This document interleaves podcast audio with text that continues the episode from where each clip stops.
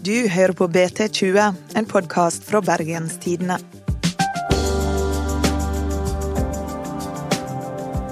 Terje Søviknes har blitt hylla for sitt arbeid som ordfører i Os. Ja-kommunen blir den kalt, og Søviknes har til og med blitt krona til kongen av kommunen.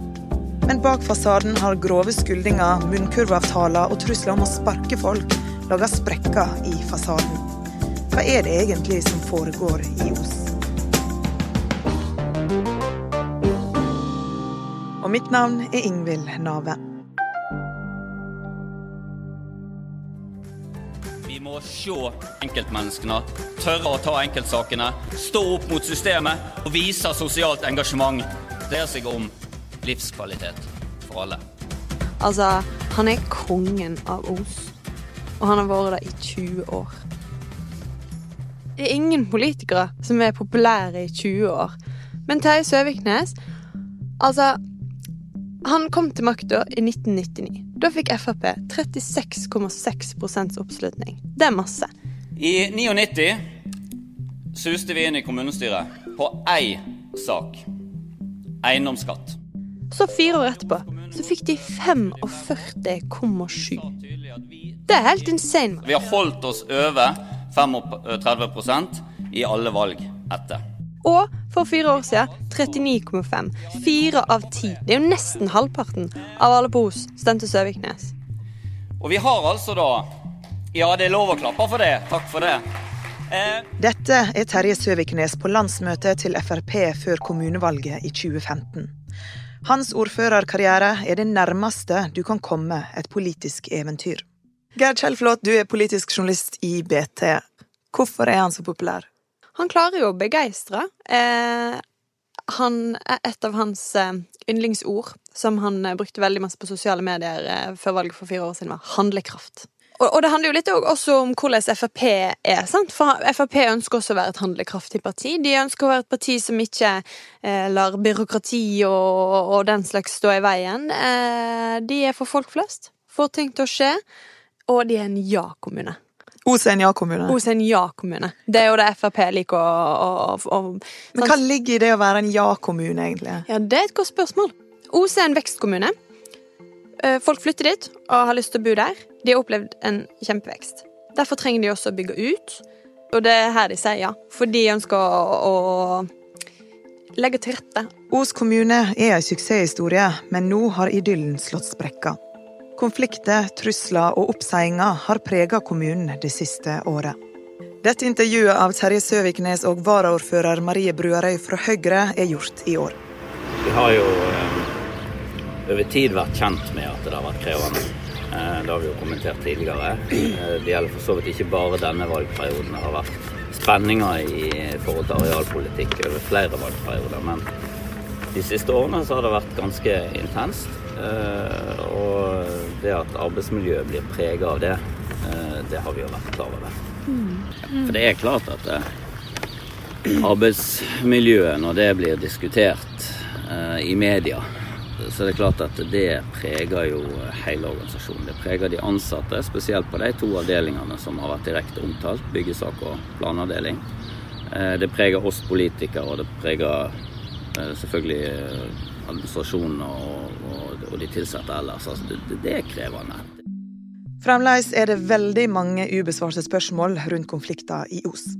Men én ting er sikkert. For å finne ut hvordan vi havner der vi er i dag, må vi tilbake til mentaliteten og måten FrPs stjernekommune blir drevet. For å ta et eksempel, da. Ja. Røkketårnet. Bergen kommune var sånn Nei, nei, nei, nei, nei, nei. Vi skal ikke ha denne skyskraperen her. Vi kom hit, men det blir ikke noen skyskraper. Søviknes, kom hit og bygg den. Jeg vil gjerne ha den. Jeg tar skyskraperen, jeg. Sett den opp her hos oss. Og det tror jeg er et sånn eksempel på ja-kommunen og ja-ordføreren Søviknes. Men er det noen som er kritiske til dine ja-holdninger til Søviknes sitt Os? Fylkesmannen, for eksempel, er veldig kritiske.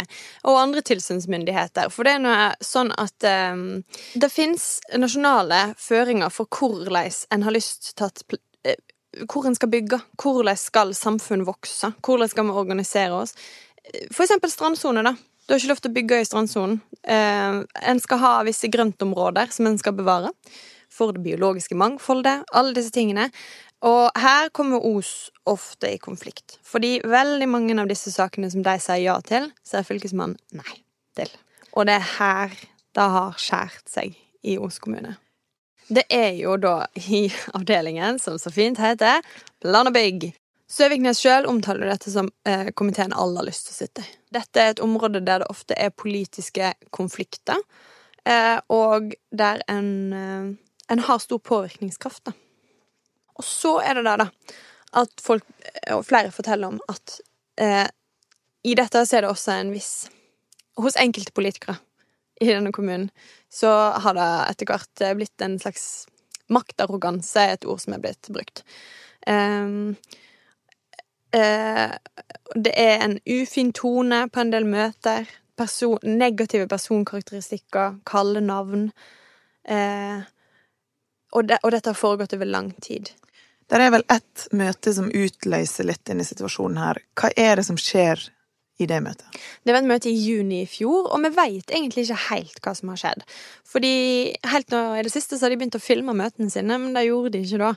Men så vidt jeg har fått fortalt fra flere som har vært der, så var det ikke et ekstraordinært møte. Men det var et møte, et langt møte, der, eh, der, politikerne, og da blir det særlig pekt på utvalgslederen, da, Gustav Bahus fra Frp, stadig kommer med stikk til sjefen for administrasjonen, kommunalsjefen som heter Einar Kjosås. Og til slutt, på et tidspunkt, like før dette møtet skulle bli heva, så reiste hun seg opp og gikk ut av møtet. Og det har hun egentlig ikke lov til. Problemet med at Kjosås gikk fra møtet, er at hun er rådmannen sin representant. Rådmannen er øverste sjef for administrasjonen i kommunen, og skal alltid ha noen i møtene. Kjosås hadde rett og slett ikke lov til å gå. Det førte til at flere politikere reagerte kraftig. Etter påske i år så gikk hun plutselig av på dagen. Eh, og dette er jo ganske mange måneder etter dette møtet. Men, og det kom veldig brått på veldig mange. Men hun leverte en oppsigelse. Det kom en pressemelding der hun skrev det har vært krevende å stå i spennet mellom lokalpolitiske forventninger og faglig integritet. Har Gustav Bahus, som da leder denne komiteen, sagt noe om hva som skjedde? Nei. Egentlig ikke. Han har beskrevet sin tone og, og møte ledelsen som uformell Eh, opposisjonspolitikere har kalt det ufint. Rådmannen har sagt at han har fått flere varsel fra ansatte som synes det er ubehagelig å sitte i de møtene, og det ble også iverksatt etter hvert at rådmannen sjøl og tillitsvalgte eller hovedverneombud skulle være til stede under møtene for å verne sine ansatte. Og det sier jo litt om, om hvordan det har opplevd hvordan de har opplevd å, å være der, da. Så tilbake til sjefen, Terje Søviknes. Hva har han gjort med dette her? Det er jo det spørsmålet. Terje Søviknes eh, vedgikk at eh, det her har vært et problem i Os i lang tid. Det har vært et problem i minst 16 av de 20 årene Frp har styrt. Så, så de har krangla i Os kommune i 16 år? Mm.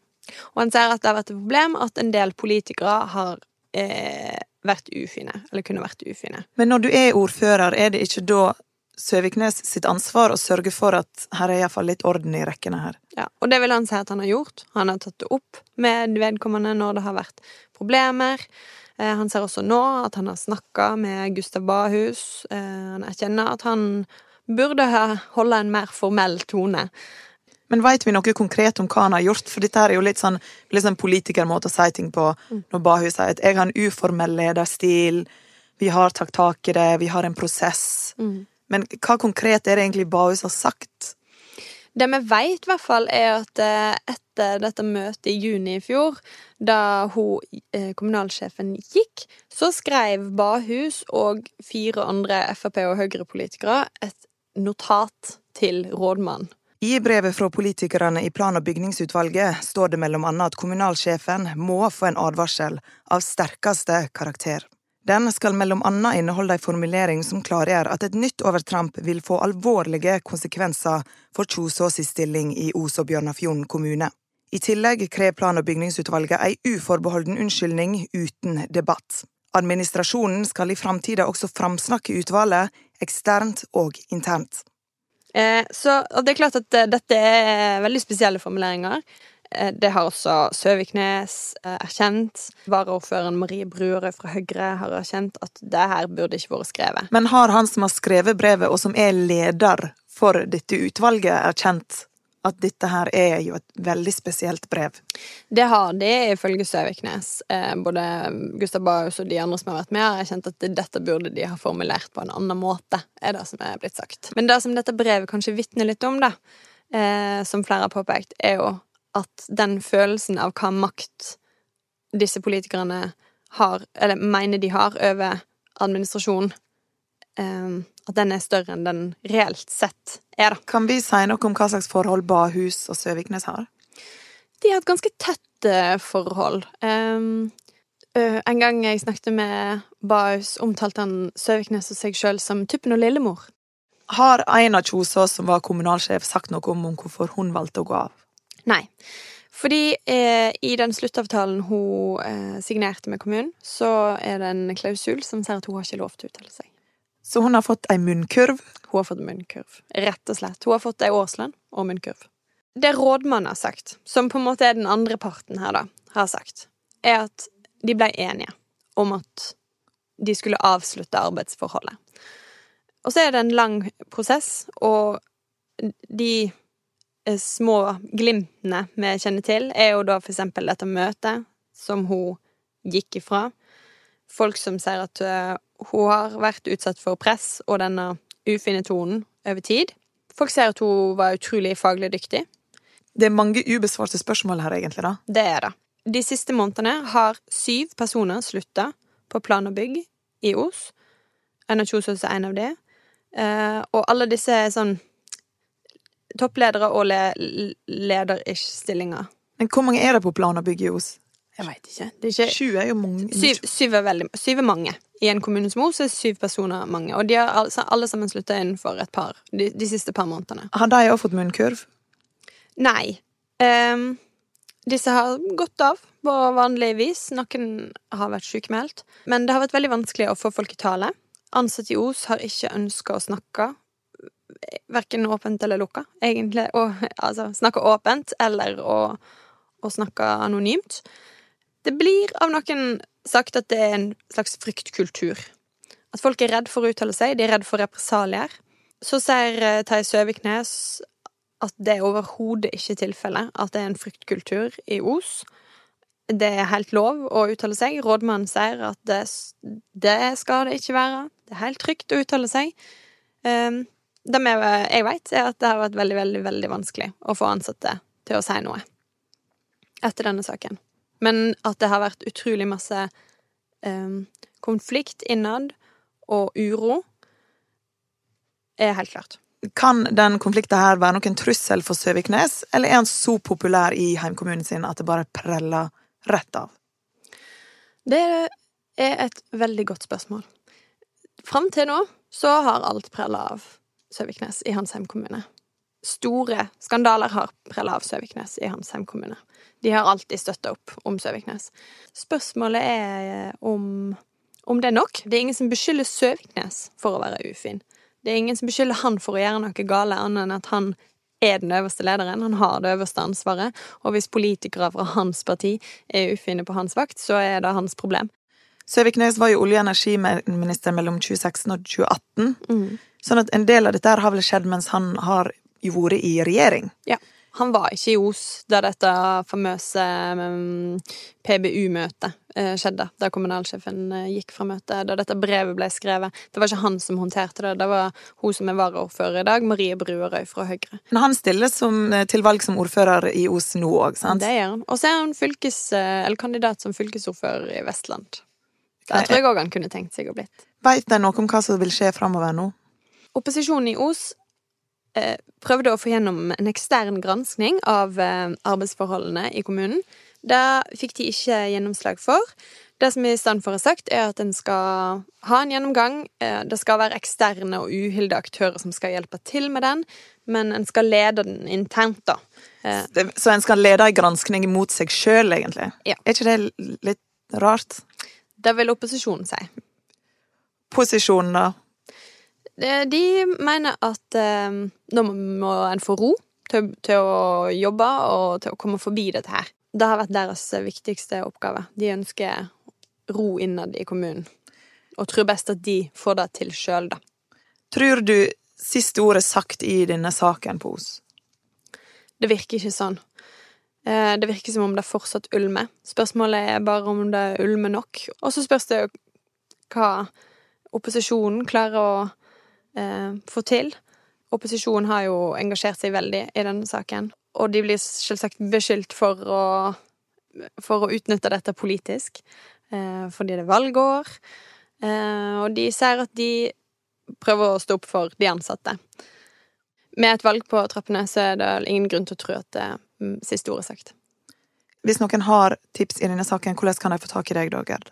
De kan eksempel sende meg en e-post. gmt.bet.no. Uh, ja, det vil jeg sette stor pris på.